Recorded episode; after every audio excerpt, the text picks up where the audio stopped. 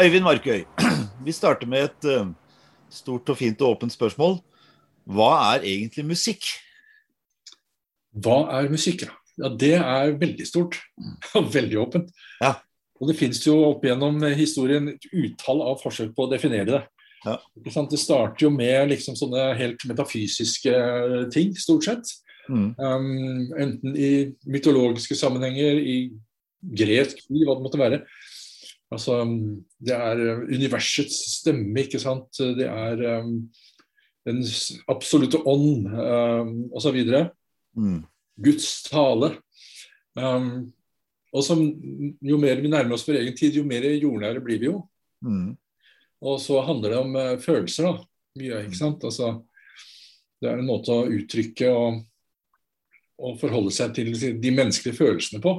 Mm. Um, som man sier. Um, og så har du mer sånne samfunnsorienterte forklaringer. ikke sant? Uh, om du, vil lytte til, om, du vit, om du vil vite om et land er godt eller dårlig styrt, så skal du lytte til dets musikk, som en gammel kinesisk vismann sa en gang. Mm.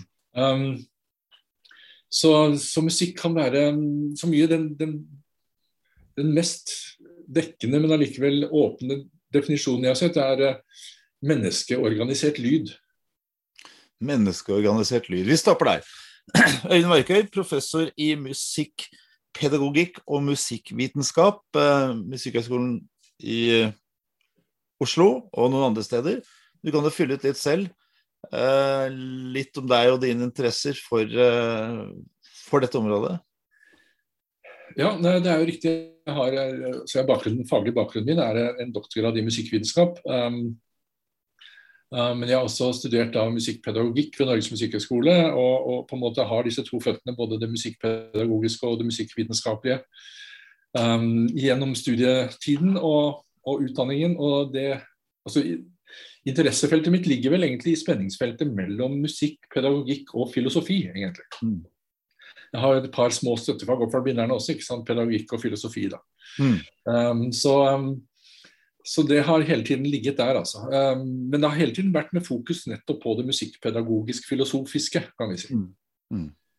Det er utrolig mange spørsmål som dukker opp uh, i tankene mine.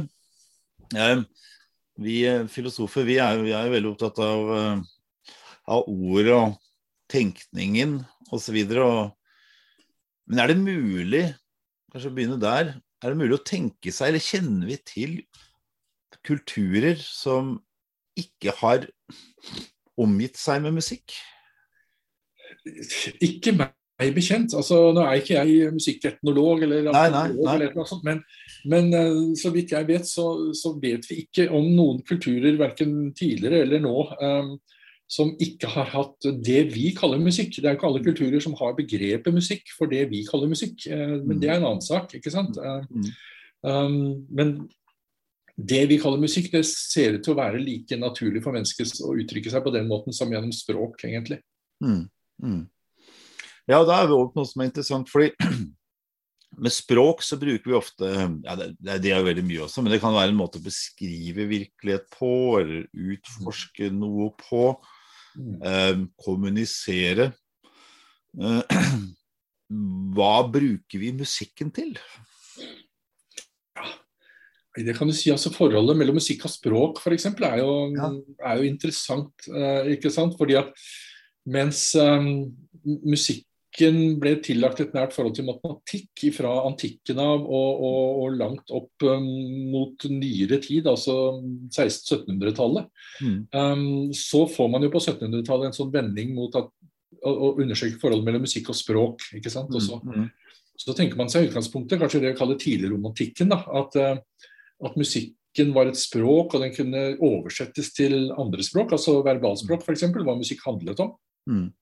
Uh, vi har programmusikk, ikke sant. Uh, mm. denne, denne, musikken forteller uh, historien om, om, elven Moldau, ikke sant. Mm. Smetanas programmusikk, da, hvor man opp, oppgav eller, eller, skrev programmer hvordan man skulle forstå musikken og lytte etter det og sånn.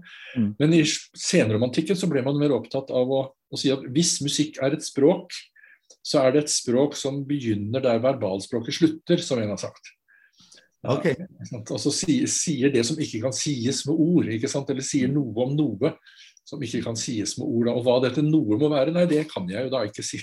Ja, ikke sant? Men eh, da, da er vi over på Wittgenstein om det vi ikke kan tale, må vi tie. Men det dere sier om det vi ikke kan tale, kan vi lage musikk om. Eh, og man kan jo si om språket at det dels, ut, det dels et eh, middel til å utforske virkeligheten, altså vi beskriver med ord. Mm. Og så vil noen si at det skaper virkelighet, Mm. ordene. Så det Eller vi påfører virkeligheten en slags form ved å Mm. bruke ord om den. Vi, vi, vi legger den innenfor noen rammer. Og så er det du påpeker, at musikken er noen andre rammer vi Handler den om Handler musikk da om virkelighet? Ja, det er, så fremt man holder virkelighetsbegrepet åpent for eh, Ja, det gjør vi. det vi kan telle og veie og måle, så, Ja. Eh, så vil jeg jo definitivt si det. Altså, en amerikansk eh, sånn musikkpedagogisk filosof som heter Bennett Reamer, han, han sier dette at akkurat som språket innhenter på en måte den eh, altså innhenter tankene våre og, og strukturerer eh, vårt kognitive virksomhet på en måte. Eh, ikke minst skriftspråket. Um, så, så gjør musikken det samme, sier han, i forhold til altså, og, inn- å på en måte lære oss å forholde oss til menneskelige følelser, struktur osv. Den type Ja. ting. Ja. Um, så, men um, men det er, ikke, det er jo ikke klart på samme måten som han, han bestrider f.eks. at vi skal bruke et begrep som kommunikasjon uh, rundt dette. For kommunikasjon forutsetter jo at vi sender et budskap som er rimelig klart. Det er i hvert fall idealet. ikke sant? Um, Med mindre du driver med politikk, selvfølgelig. med mindre du driver med politikk. Ja. eh, riktig. Um, så um, Nei, det er um, det, det er en vanskelig, vanskelig tema det der. Altså, um, jeg, jeg, jeg, har pleid, jeg sitter og nettopp og skriver et, et, en, en tekst i en antologi om musikk og religion som vi driver og jobber med. og tar utgangspunkt i et utsagn fra min gamle musikkfilosofilærer Ove Kristian Sundberg på Musikkvitenskapelig institutt. Han var både organist og filosof.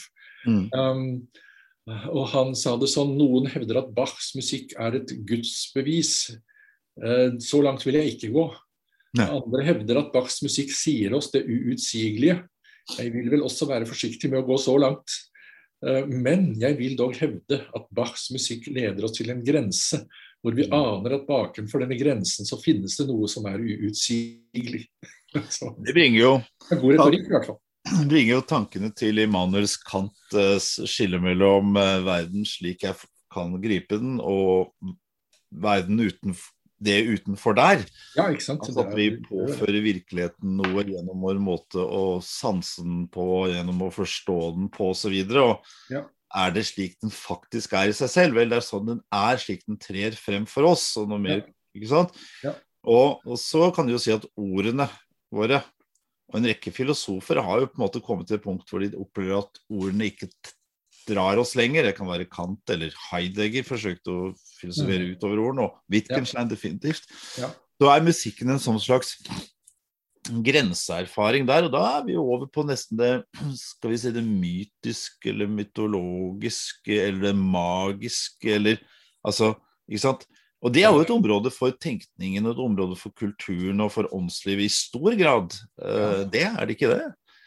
Jo, jeg eh, tenker jo i de baner. eh, definitivt. Um, nei, det er fordi, det, det, det som det, det man sier, ikke sant, hva er det, hva er det eksempel man i kunstnerisk forskning, altså hvis man gjør en doktorgrad her på huset, og jeg sitter nå på Musikkhøgskolen, um, og så er resultatet et kunstverk, Mm. uh, et musikalsk kunst-musikkverk, Mm. Um, hva slags refleksjon, hva slags kunnskap, hva slags kunnskapsbegrep opererer vi med da?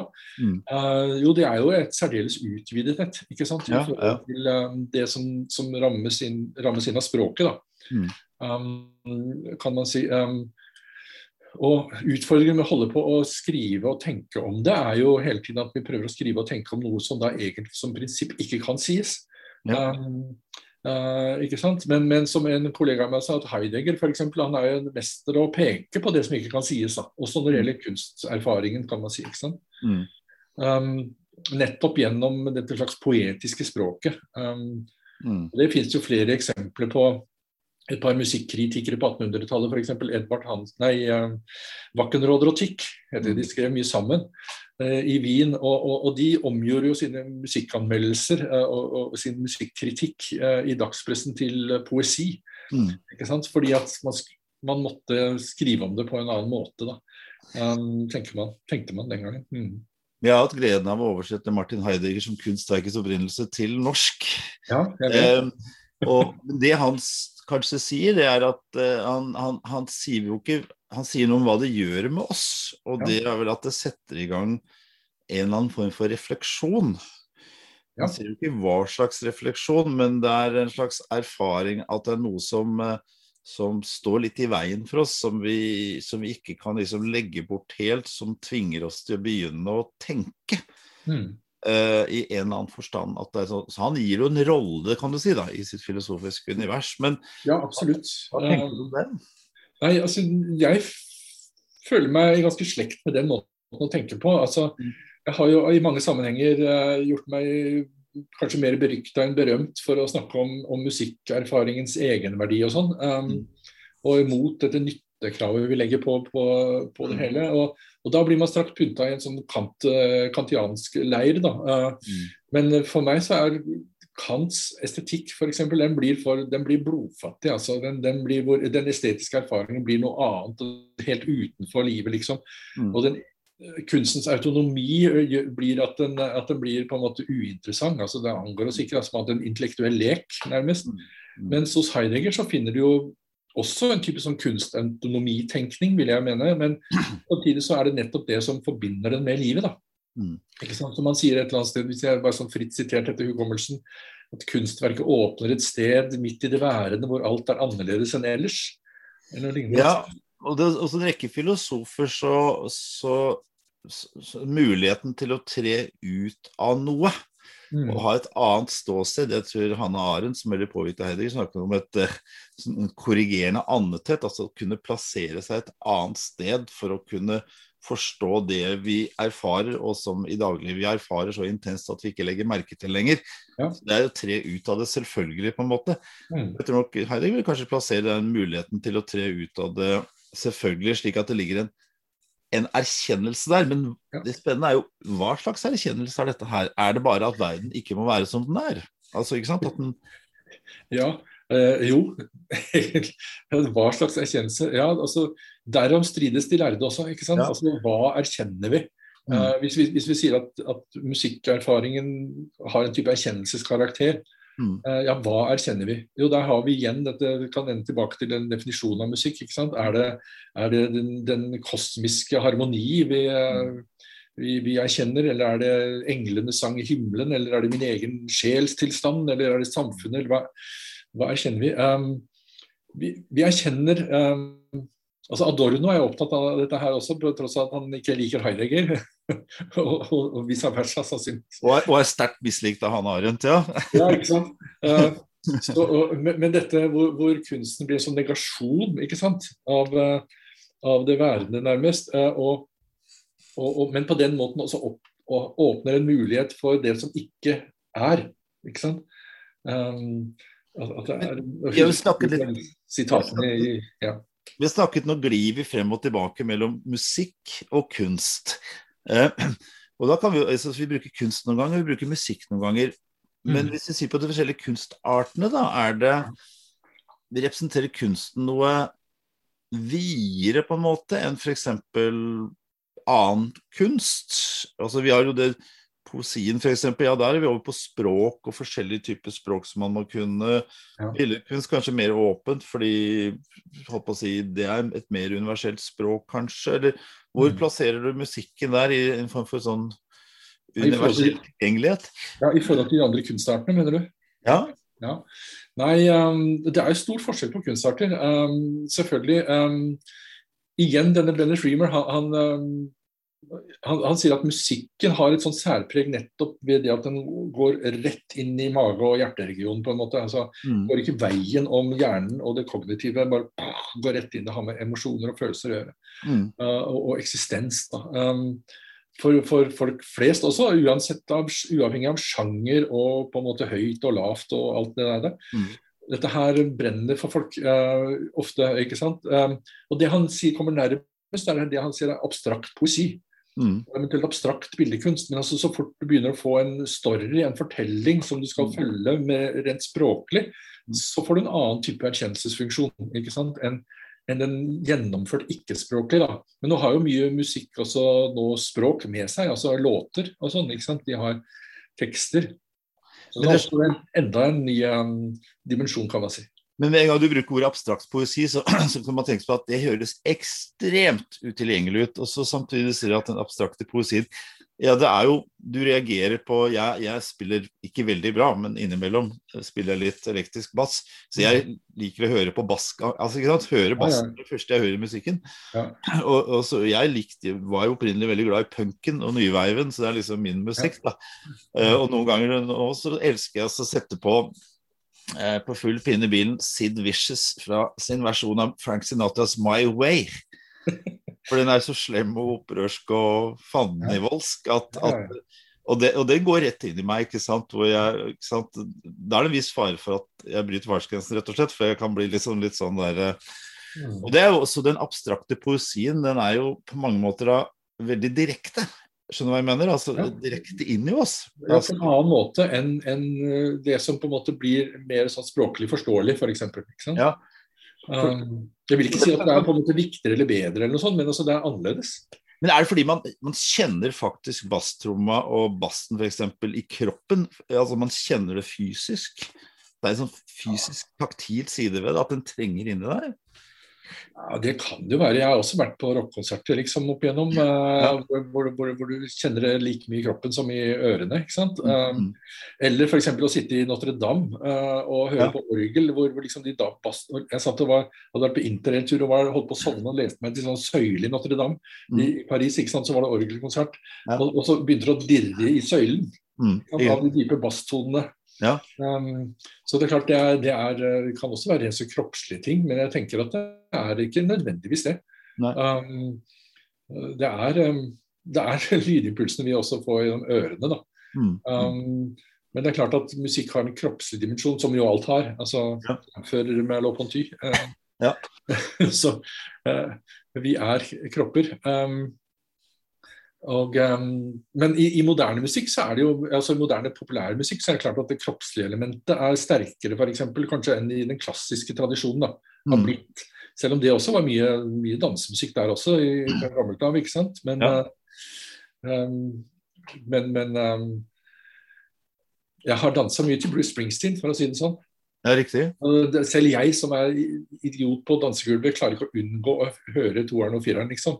Nei, altså, så du bare, du bare, må gjøre det. Bare må gjøre det. og det er jo noe som og Det finnes jo kulturer som har en større grad av musikalitet ved seg som kultur enn kanskje den norske eller den europeiske, for å si det sånn. da.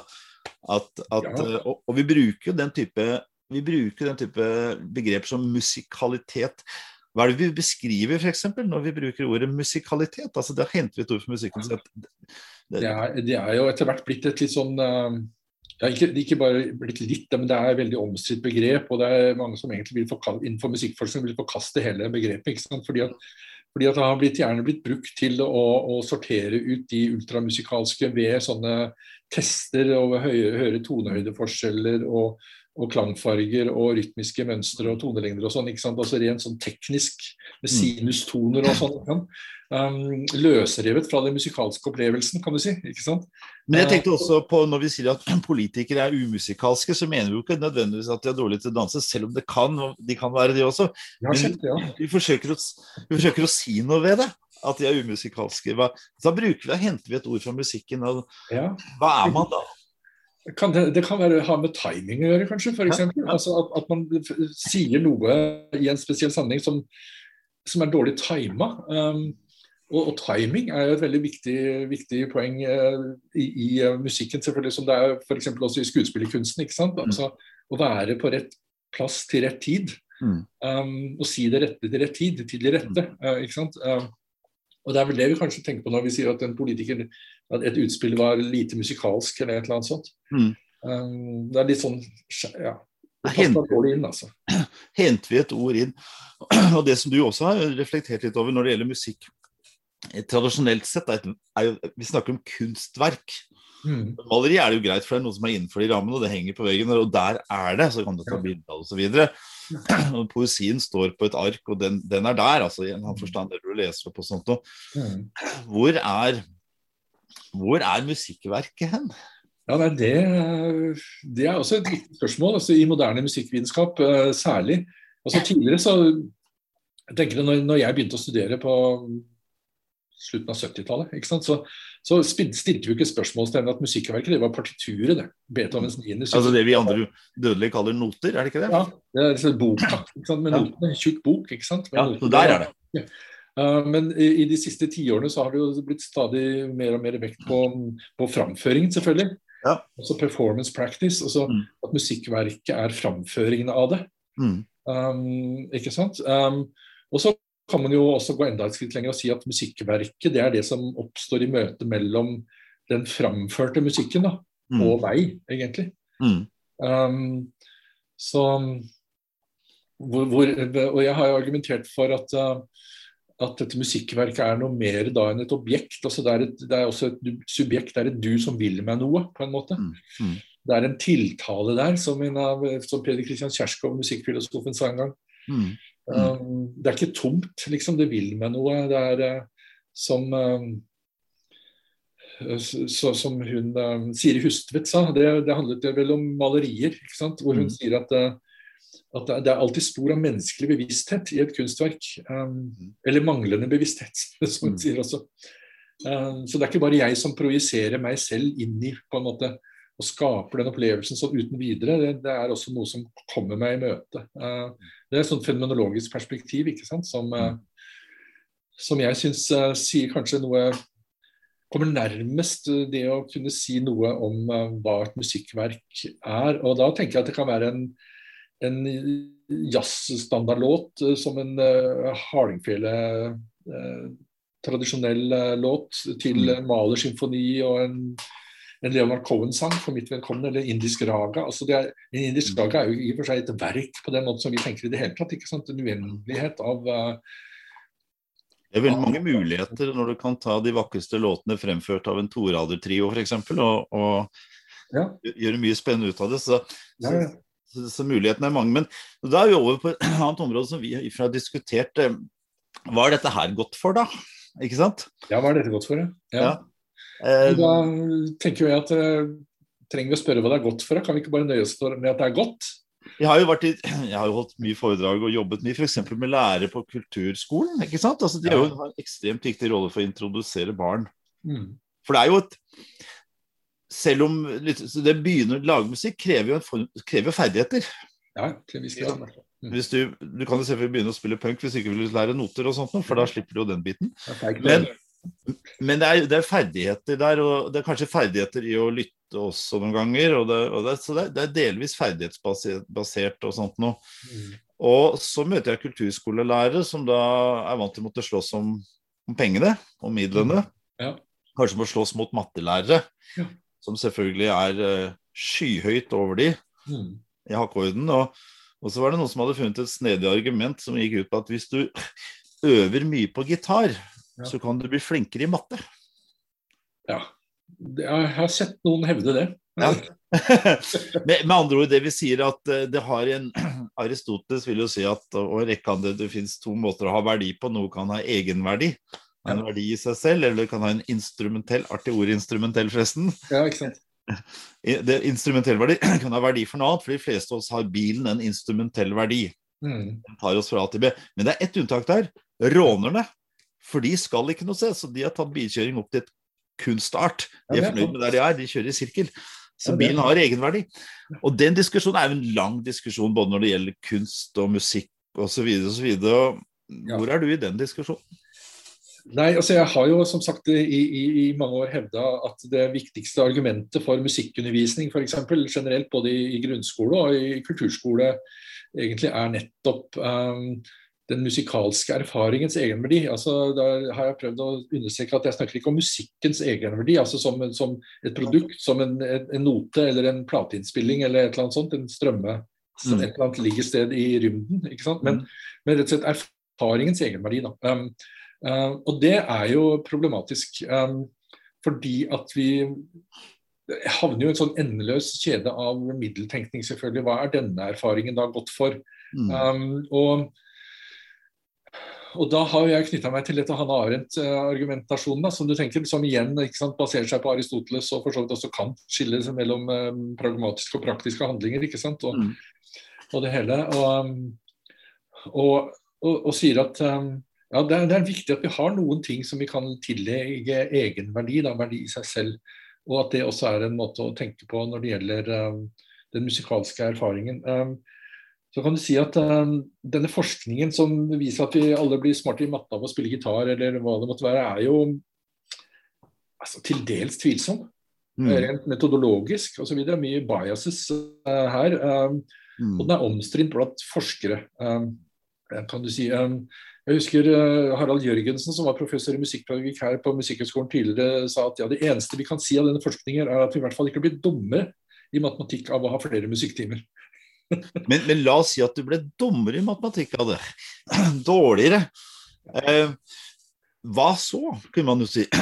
Nei, det er jo jeg noterer med at den gruppen mennesker i Norge som er flinkest generelt sett til å øve Jeg har en mistanke om hvem det er, og det tror jeg er det tror jeg er metallgitarister. Unge metallgitarister. Ja, de, altså de foran, men det er det eneste de gjør, er å øve på gitar. Så de ja. dropper ut av mattetimen og sånt nå. De er ikke uinteressert i å lære, men de har bare ikke lyst til å lære matte. For de har lyst til å lære bestemte typer solo på gitar og sånt nå. Og de, og de jobber helt feil. De går inn på YouTube og så hører de, plukker opp det vanskeligste. Da de begynner på toppen med det vanskeligste og forsøker å få til det. Det er helt gærent, er ikke det? Jo, jo, altså det er brudd med alle didaktiske regler. Ja, de, de, er utrolig udidaktiske. De blir ganske flinke til å spille gitar til slutt, da. Ja, ja. De, de, gjør det. Nei, altså det, det, er jo en artig sak, det der. Men, men, men, men generelt så kan man jo si at um, ikke minst musikkpedagoger da, har vært veldig opptatt av at, at musikk alltid virker bra. Ja. Til det gode. Ja på en eller annen måte. Enten det er til å bli et bedre moralsk menneske eller bedre i matte. da. Um, men, men, i det siste så har man også retta fokus, større fokus med at musikk også kan virke negativt. ikke sant? Altså Det, setter, det lager eh, fin, fiendskap mellom folk, f.eks. Ja. Altså historier om nasjonalisme og alle mulige sånne ja. ting. Ja.